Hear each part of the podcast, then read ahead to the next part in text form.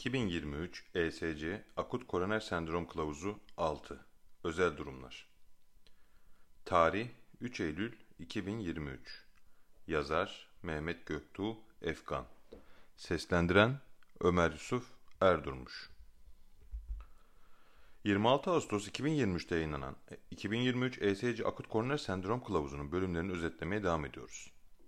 6. bölümde çoklu damar tutulum olan hastaların yönetimi, obstrüksiyon olmayan koroner arterlerde gelişen miyokard enfarktüsü ve özel durumlar bölümlerini özetleyeceğiz.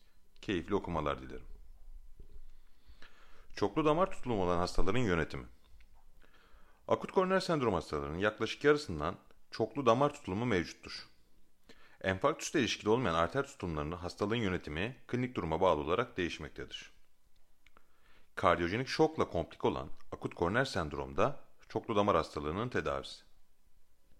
AKS hastalarının %4 ila 11 kadarında kardiyojenik şok meydana gelebilir ve tam koroner tıkanıklık varlığında daha sık görülür. İskemi ile ilişkili kalp yetmezliği, akut şiddetli mitral yetmezlik ve mekanik komplikasyonlar AKS'de kardiyojenik şoku hızlandıran başlı nedenlerdir. Başvuru şekli ne olursa olsun, örneğin ST segment elevasyonu veya eşdeğer EKG paternleri olsun veya olmasın, bu hastalar mümkün olan en kısa sürede deneyimli uzmanlar tarafından desteklenen invaziv koroner anjiyografinin uygulanabileceği 3. basamak bir bakım merkezine transfer edilmelidir. Kardiyolojik şokla komplik olmuş akut MI hastalarında acil koroner anjiyografi ve mümkünse perkutan koroner girişim önerilmektedir. Koroner anatomisi, perkutan koroner girişime uygun olmayan hastalarda acil bypass önerilmektedir. Acil bypass uygulanan hastalar için ameliyat öncesi klinik duruma dayalı olarak uygun perioperatif stratejiler düşünülebilir. Şekil 1, AKS ve çoklu damar tutulumu olan hastaların yönetimine yönelik algoritmayı göstermektedir. Primer perkutan koroner girişim uygulanan çoklu damar koroner arter hastalığı olan hastalar. Çoklu damar hastalığı, primer perkutan koroner girişim yapılan hastaların yaklaşık yarısından belirgindir ve olumsuz prognozla ilişkilidir. Ve bu durum birçok çalışma ile gösterilmiştir. ST elevasyonlu MI ve çoklu damar tutulumu olan 70 bin, 7030 hastayı içeren 10 randomize çalışmanın sistematik bir incelemesinde tam revaskülarizasyon yalnızca enfarktüsle ilişkili arterlere uygulanan PCI ile karşılaştırıldığında kardiyovasküler mortalitenin azalmasıyla ilişkilidir. Tam revaskülarizasyon aynı zamanda kardiyovasküler ölüm veya yeni MI kompozitinin azalmasıyla da ilişkilidir. Ve bu da ST MI ve çoklu damar tutulumu olan hastalarda tam revaskülarizasyonu desteklemektedir. Akut koroner sendromda enfarktüsle ilişkili olmayan arter revaskülarizasyonunun zamanlaması. ST yükselmeli miyokard enfarktüsü ve çoklu damar koroner arter hastalığı ile başvuran hastalar. Önceki ESC, ST ve MI kılavuzları enfarktüsle ilişkili olmayanlarda PCI'yi tavsiye ediyordu. PCI etkileşiminin zamanlaması açısından herhangi bir tedavi etkisi gözlenmedi. Revaskülarizasyonun optimal zamanlamasının yeterli büyüklükteki randomize çalışmalarda üstün bir tasarıma sahip olarak henüz araştırılmadığı göz önüne alındığında acil ya da aşamalı herhangi bir öneri yoktur. ST elevasyonu olmayan akut koroner sendrom ve çok damar koroner arter hastalığı ile başvuran hastalar. ST LVMI ve çoklu damar tutulumu ile başvuran hastalar için kanıt sağlayan çok sayıda çalışma olmasına rağmen non-STMI, AKS ve çoklu damar tutulumu ile başvuran hastaların yönetimine rehberlik eden daha az veri bulunmaktadır. Gözlemsel çalışmalar ve randomize olmayan çalışmaların meta-analizleri tam revaskülarizasyonun yalnızca İRA'ya yönelik PISA ile karşılaştırıldığında takip sırasında daha az ölüm ve MACE ile ilişkili olduğunu göstermektedir. Bununla birlikte bunların randomize olmayan çalışmalara dayanan tedavi etkilerinin analizleri olduğu göz önüne alındığında sonuçların en iyi ihtimalle hipotez oluşturucu olduğu düşünülmelidir. Ve bu kanıtlarda bir boşluk olmaya devam etmektedir. Enfarktüsle ilişkili olmayan arter stenozu şiddetinin değerlendirilmesi. Kantitatif koroner anjiyografi ile değerlendirildiğinde PCI işlemi sırasında enfarktüsle ilişkili arter dışı lezyon şiddetinin 9 ay içinde yapılan tekrarlanan anjiyogramla karşılaştırıldığında daha fazla tahmin edildiği rapor edilmiştir. Enfarktüsle ilişkili arter dışı lezyonlarda da mikrovasküler daralma meydana gelebilir ve bu da bazı değişikliklere neden olur. Yapılan çalışmalar ve derlemelere rağmen konu netlik kazanamamıştır. Mevcut çalışmalar, enfarktüsle ilişkili olmayan arter hastalarında fonksiyon olarak anlamlı olmayan stenozların tedavisinin ertelemenin güvenli olabileceğini düşündürmektedir. Ancak bu çalışmaların bir kısmı yarıda kalmış ve kesin sonuca varamamıştır. Hibrit revaskülarizasyon Hibrit koroner revaskülarizasyon, çoklu damar tutulumu olan hastaların tedavisi için sol ön inen artere, interyal mammaryan arter grefti ve LAD dışındaki damarlara perkutan koroner girişimden oluşan kombine veya ardışık prosedürler olarak tanımlanır. Hibrit koroner revaskülarizasyon için tercih edilen cerrahi teknik minimal invaziv bir sol anterior mini torakotomi veya robot yardımlı sol interyal mammaryal arter LAD'dir. Hibrit revaskülarizasyonu destekleyen randomize kontrolü çalışmalar sınırlı katkı sunmaktadır. Koroner arter bypass grafiği indikasyonu olan AKS hastalarında hibrit koroner revaskülarizasyon stratejisini destekleyen klinik kriterler arasında bypass için uygun LAD'li çoklu damar hastaları ve perkutan koroner girişim için uygun LAD olmayan lezyonlar, çıkan aorta aterom, perkutan koroner girişim için uygun olmayan korunmasız bir sol ana koroner arter yer alabilir. Obstrüktif olmayan koroner arterlerle birlikte miyokard enfarktüs.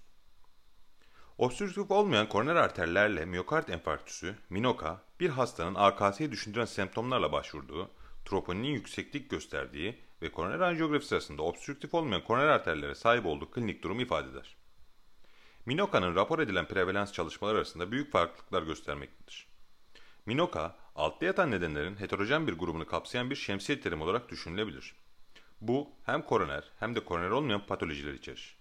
İkincisi hem kardiyak hem de kardiyak olmayan patolojilerden kaynaklanmaktadır. Koroner anjiyografi sonrasında tanı konulamadığında Minoka, nihai tanının aksine bir ön tanıyı temsil eder. Klinisyenlerin Minoka'nın altında yatan nedeni belirlemek için daha fazla değerlendirme ve araştırma yapması hayati önem taşımaktadır. Bu nihai teşhisin konulmasına ve hastaların uygun şekilde yönetilmesine olanak sağlayacaktır. Minoka'nın altında yatan nedenin belirlenmemesi, belirlenmemesi yetersiz veya uygunsuz tedaviye yol açabilir. İnvaziv koroner anjiyografi, akut koroner sendrom hastaları için önerilen kesin tanı testidir. Minoka'nın altta yatan nedeni tek başına invaziv koroner anjiyografi kullanılarak belirlenemezse, sol ventrikülografi, mikrovasküler fonksiyon, koroner reaktivite ölçümü ile fonksiyonel değerlendirme ve intravasküler görüntüleme kullanılarak daha ileri değerlendirme, altta yatan nedeni belirlemek için yararlı olabilir. Minoka'nın altında yatan neden fonksiyonel koroner anjiyografi kullanılarak belirlenemezse, klinik olarak uygun şekilde invaziv olmayan görüntüleme, örneğin ekokardiyografi, kardiyak MR, BT önerilir. Kardiyak MR, Minoka'nın altında yatan nedeni belirleme yönelik temel tanı araçlarından biridir. Kardiyak MR, Minoka tanısı konulan hastaların %87'sine kadar altta yatan nedeni tanımlayabilir ve bu tür durumlarda başvurudan sonra mümkün olan en kısa sürede gerçekleştirilmelidir. Özel durumlar Tip 2 MI ve akut miyokard hasarı Troponin yüksekliğiyle birlikte akut göğüs ağrısı olan hastaların ortaya çıkışının altında sıklıkla aterotromboz dışındaki patolojik süreçler yatmaktadır. Bunlar arasında tip 2 MI ve MI'nin dördüncü evrensel tanımında tanımlanan miyokard hasarı yer alır. Tip 2 MI, oksijen temini ve talebi arasındaki uyumsuzluk bağlamında akut koroner aterotrombozla ilişkili olmayan iskemik miyokard hasarıdır. Bu durum ateroskleroz ve oksijen tedarik talep dengesizliği bağlamında tek başına oksijen tedarik talep dengesizliği ile birlikte vazospazm veya koroner mikrovasküler fonksiyon bozukluğuna sekonder olarak veya aterosklerotik olmayan koroner diseksiyona sekonder olarak ortaya çıkabilir. Tipik EMA'nın bu nedenleri altta yatan koroner veya koroner olmayan mekanizmalar olanlarla ayrılabilir. Tipik EMA yaygındır ve tip 1 EMA'ya benzer bir prognozla ilişkilidir. Miyokardiyal hasar, miyokardiyal iskemi dışındaki mekanizmalara bağlı olarak miyosit nekrozu ve troponin yükselmesiyle karakterizedir ve akut veya kronik olabilir. Daha sonraki araştırmalar hastanın MI kriterlerini karşıladığını gösterirse bu tanının değişebileceğini bilmek önemlidir. Bazı ortak risk faktörlerine rağmen tipik MI'nin patofizyolojisi tip 1 MI'den farklıdır. Dolayısıyla bu iki durumun doğal seyri ve uygun yönetim stratejisi de bazı önemli açılardan farklılık göstermektedir.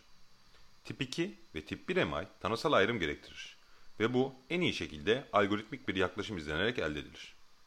Tip 2 MI ve miyokard hasarından şüphelenilen hastalar stabilize edildikten ve tetikleyici hastalıklar tedavi edildikten sonra hedefe yönelik ekokardiyografi ve veya koroner anjiyografi katkıda bulunan kardiyak koşulları tanımlamak ve uygun, uzun vadeli kardiyovasküler tedavileri yönlendirmek için kullanılabilir. Yönetim stratejilerini ve geniş yelpazedeki tetikleyici nedenleri araştıran sağlam bilimsel kanıtların bulunmaması nedeniyle Şu anda tip 2 MI hastalarına özel olarak önerilen farmakolojik müdahaleler yoktur. Bu nedenle yönetim, kardiyovasküler risk faktörlerinin sık kontrolün yanı sıra herhangi bir tetikleyici durumun tanımlanması ve tedavisine odaklanmalıdır. Komplikasyonlar Kalp yetmezliği Akut kalp yetmezliği AKS'nin bir komplikasyon olarak ortaya çıkabilir.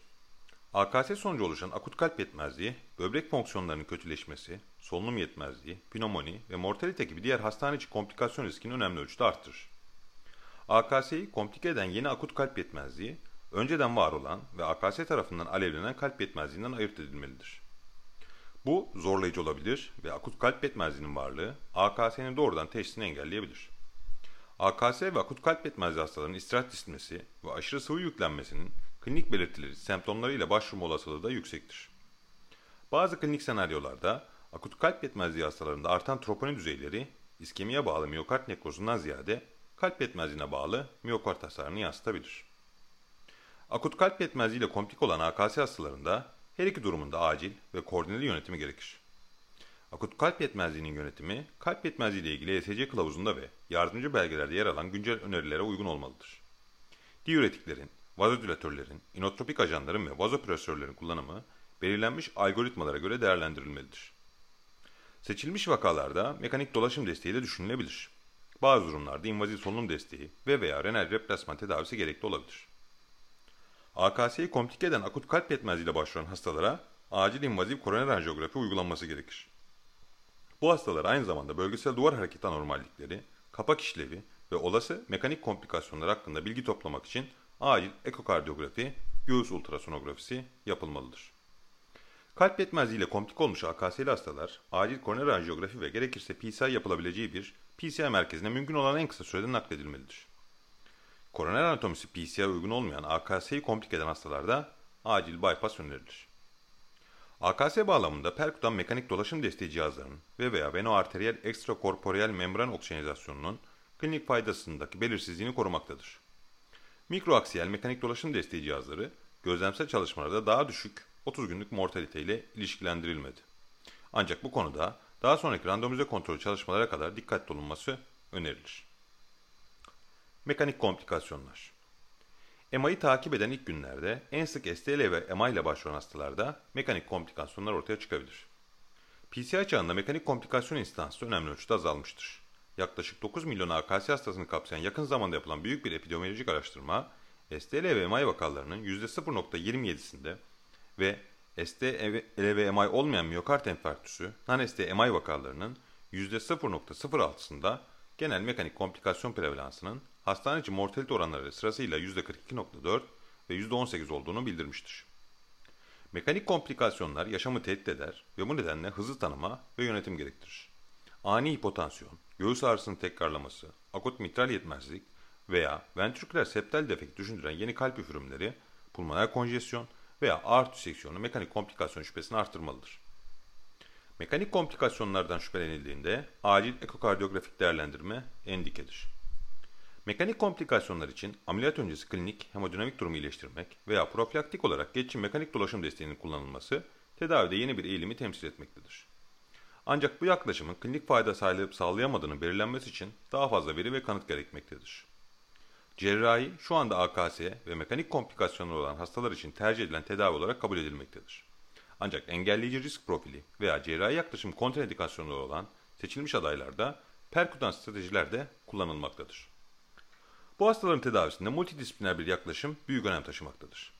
Hastanın ilk stabilizasyonundan palyatif bakımını da içeren terapötik stratejinin tartışılmasına ve uygulanmasına kadar bakımın tüm aşamalarında uygulanmalıdır.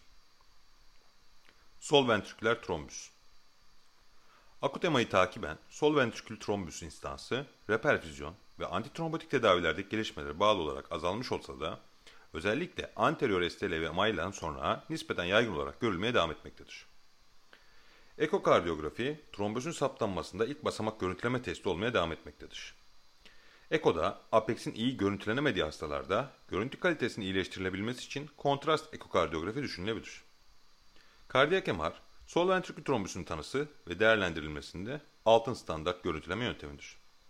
Çağdaş kardiyak MR verileri tüm STL-MMI hastalarının %6.3'üne kadar ve anterior STL-MMI hastalarının %12.2'sinde sol ventrikül trombüs olduğunu bildirmektedir.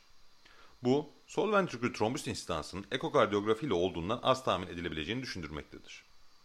Ekoda belirgin olmayan ancak kardiyak MR'la tespit edilen sol ventrikül trombüslü hastalar, ekoda belirgin olan sol ventrikül trombüslü hastalarla benzer klinik sonuçlara sahip gibi görünmektedir. Bu nedenle eko görüntüleri şüpheli olan veya şüpheli olduğu düşünülen hastalarda kardiyak MR düşünülmelidir. MI sonrası ilk iki haftada sol ventrikül trombüsünün tanımlanmasının arttığının bildirilmesi göz önüne alındığında sol ventrikül trombüs için görüntülemenin zamanlaması da anlamlı olabilir. Daha fazla güncel veri gerekli olmakla birlikte bu veriler hastaneden taburcu olduktan sonra yüksek oranda sol ventrikül trombüs gelişebileceğini ve yüksek riskli hastalar ilk haftada gecikmiş görüntülemenin değerli olabileceğini düşündürmektedir. Sol ventrikül trombüs tanısı konulduktan sonra tekrarlanan eko veya kardiyak MR rehberliğinde kanama riski ve eş zamanlı antitrombos tedavi ihtiyacı dikkate alınarak oral antikoagülan tedavisi 3 ila 6 ay süreyle düşünülmelidir. Bununla birlikte MI sonrası sol ventrikül trombüsü gelişen hastalarda optimal antikoagülasyon rejimi, antikoagülasyon süresi ve oral antikoagülasyonun antitrombosit ajanlarla kombinasyonu hakkında prospektif randomize veri eksikliği vardır. Tedavi seçimi hastanın klinik durumuna ve takip araştırmanın sonuçlarına göre düzenlenmelidir. AKS sonrası perikardit Erken enfarktüsle ilişkili perikardit, akut MI'den sonraki ilk 4 gün içinde çoğunlukla geçici, geç perikardit veya postkardiyak yaralanma sendromu ve prekardiyal efüzyon ortaya çıkabilir. Akut MI'den sonra erken perikardit gelişir ve transmural nekroz komşu perikardın inflamasyonu neden olur. Dressler sendromundaki patofizyolojik mekanizma muhtemelen akut MI sırasında kardiyak antijenlerin salınmasını takiben genetik olarak yatkın bireylerde aşırı duyarlılık immün reaksiyonunu içermektedir. Tanı kriterleri akut perikardit için olanlardan farklı değildir ve aşağıdakilerden ikisini içermelidir. Plöretik göğüs ağrısı, perikardiyal sürtünme sesi, EKG değişiklikleri ve yeni veya kötüleşen perikardiyal efüzyon.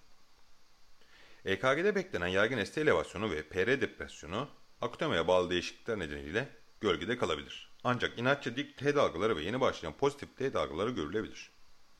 Enflamatuar belirteçler yükselebilir, troponin seviyeleri ise epikardiyal tutulma bağlı olarak artabilir.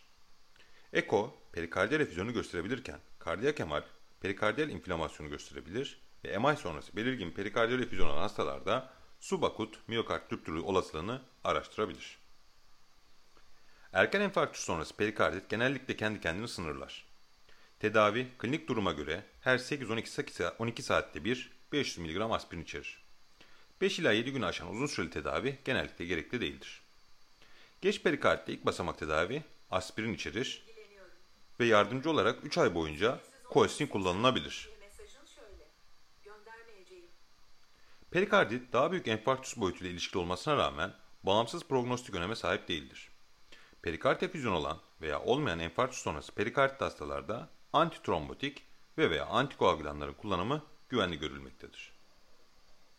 Aritmiler Atrial fibrilasyon Atrial fibrilasyon AKS hastalarında en sık görülen supraventriküler aritmidir. AF önceden mevcut olabilir, ilk kez tespit edilebilir veya AKS tedavisi sırasında yeni başlayabilir. AF'li hastalarda AF olmayan hastalara kıyasla daha fazla sayıda komorbidite vardır ve komplikasyon riski daha yüksektir. Çoğu durumda AF iyi tolere edilir ve antikoagülasyon dışında özel bir tedaviye gerek yoktur. Akut hemodinamik dengesizliğe neden olan AF için acil tedavi gereklidir. Tercih edilen yaklaşım elektriksel kardiyoversiyondur.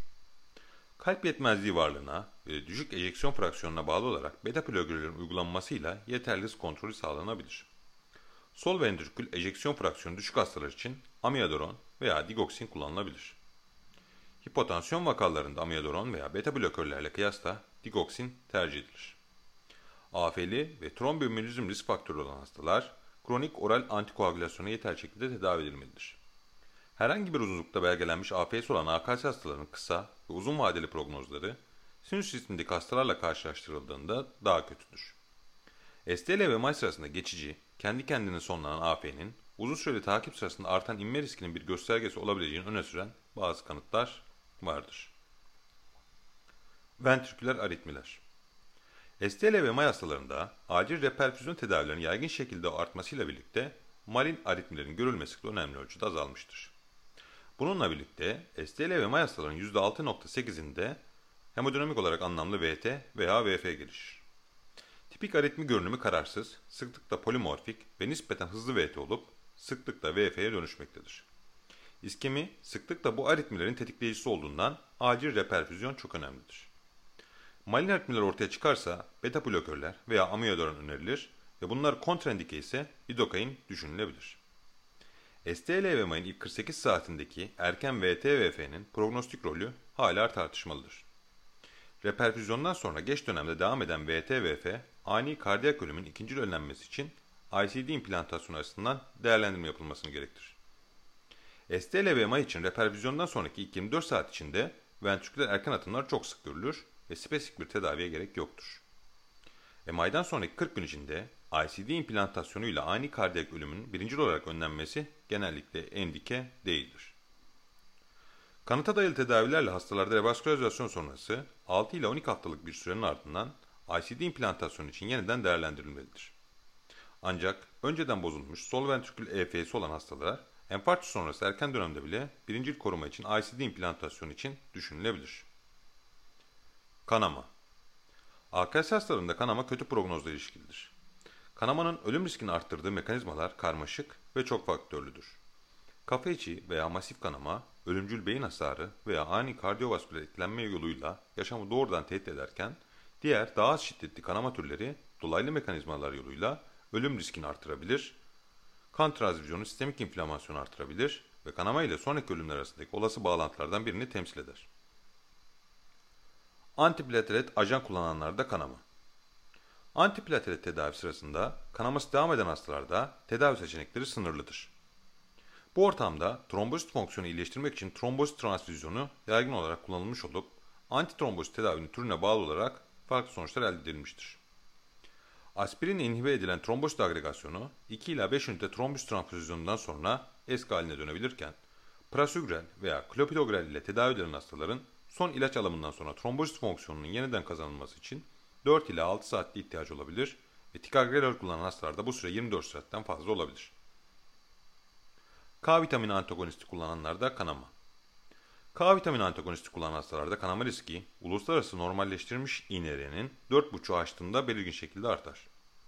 Kanama riski önemli olabileceğinden INR'nin onun üzerinde olduğu hastalarda devam eden kanamanın olmadığı durumlarda K vitamini uygulaması yapılabilir.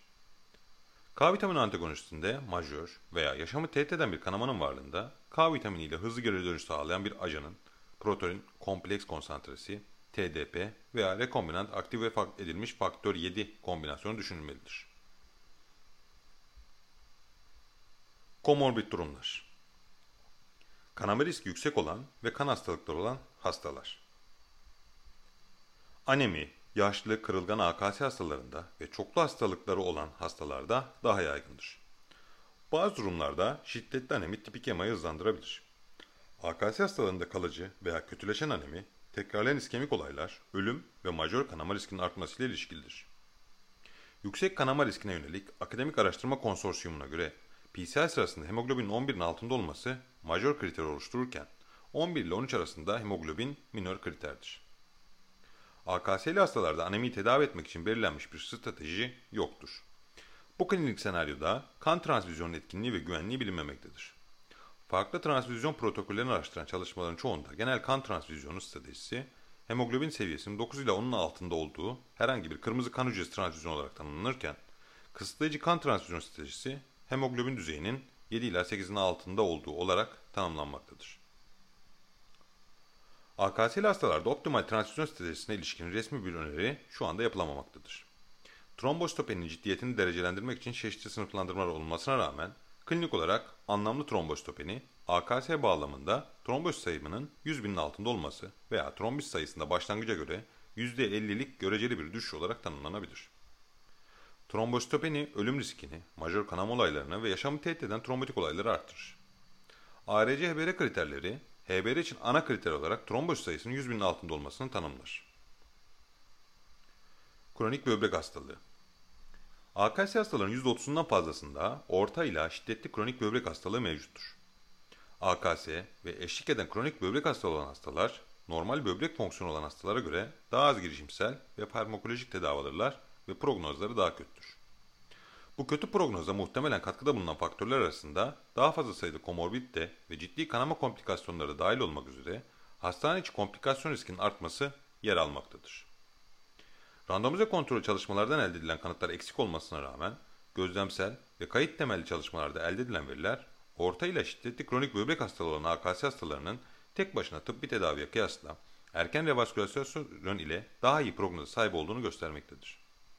Klinik koşullar ve hasta özellikleri dikkate alınarak IV kontrast kaynaklı nefropati riskini en az indirmek için hidrasyon, düşük GFR'li, invaziv tedavi uygulanan AKS hastalarının tedavisinin bir parçası olarak düşünülmelidir. Diabetes mellitus Diyabet, AKS hastaların daha sık olarak spesifik olmayan semptomlarla başvurabilir. Bu da hem tanıda hem de tedavi erişimde gecikmelere neden olabilir. Diyabetli hastalarda hem akut fazla tedavi hem de AKS sonrası risk faktörü yönetimi daha zayıftır.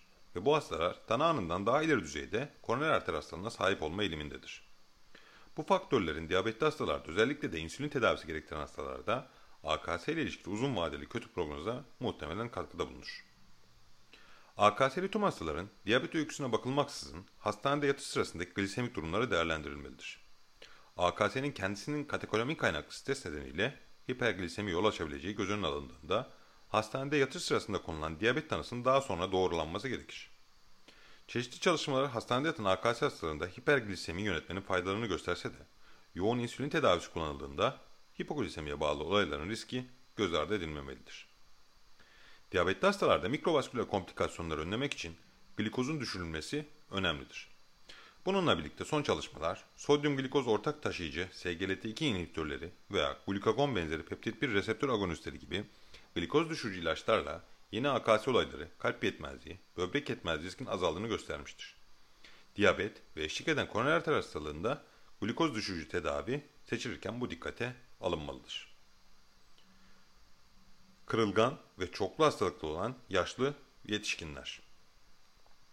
Yaşlı bireyler. Yaşlı yetişkinler AKS hastalığının giderek artan bir oranını temsil etmektedir.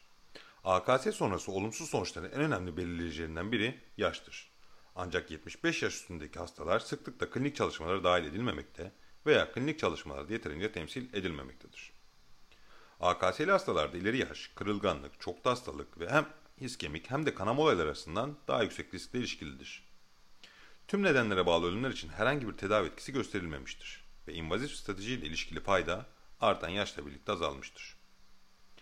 STL ve MI bağlamında PCI her yaş için sonuçları önemli ölçüde iyileştirdi. Bununla birlikte kırılganlık veya komorbidite ilişkin resmi bir değerlendirme eksikliği nedeniyle çok yaşlı kohorttaki veriler sınırlıdır. Koroner sendrom ve kalp durması bağlamında yaş, perkutan koroner geçim sonrası mortalitenin bağımsız bir belirleyicisidir. STL ve MI'li tüm hastalar için PCI düşünülmelidir. PCI zamanında yapılamadığında bu hastalara fibrinolis makul bir strateji olabilir. Kırılganlık ve çoklu hastalık. Geriatrik sendromlar AKS'li yaşlı hastalarda olumsuz sonuçlarla ilişkilidir.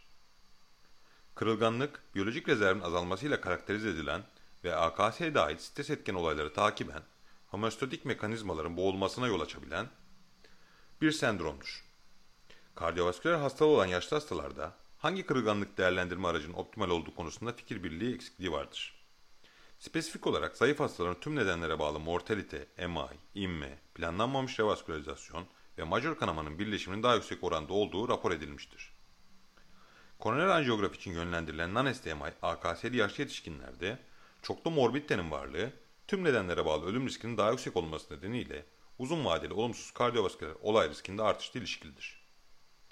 Teşhis edilmemiş kognitif bozukluk, koroner anjiyografi uygulanan non-ST AKS'li yaşlı hastalarda da yaygındır ve bu hastaların bir yılda majör olumsuz kardiyovasküler olaylar yaşam olasılıkları daha yüksektir.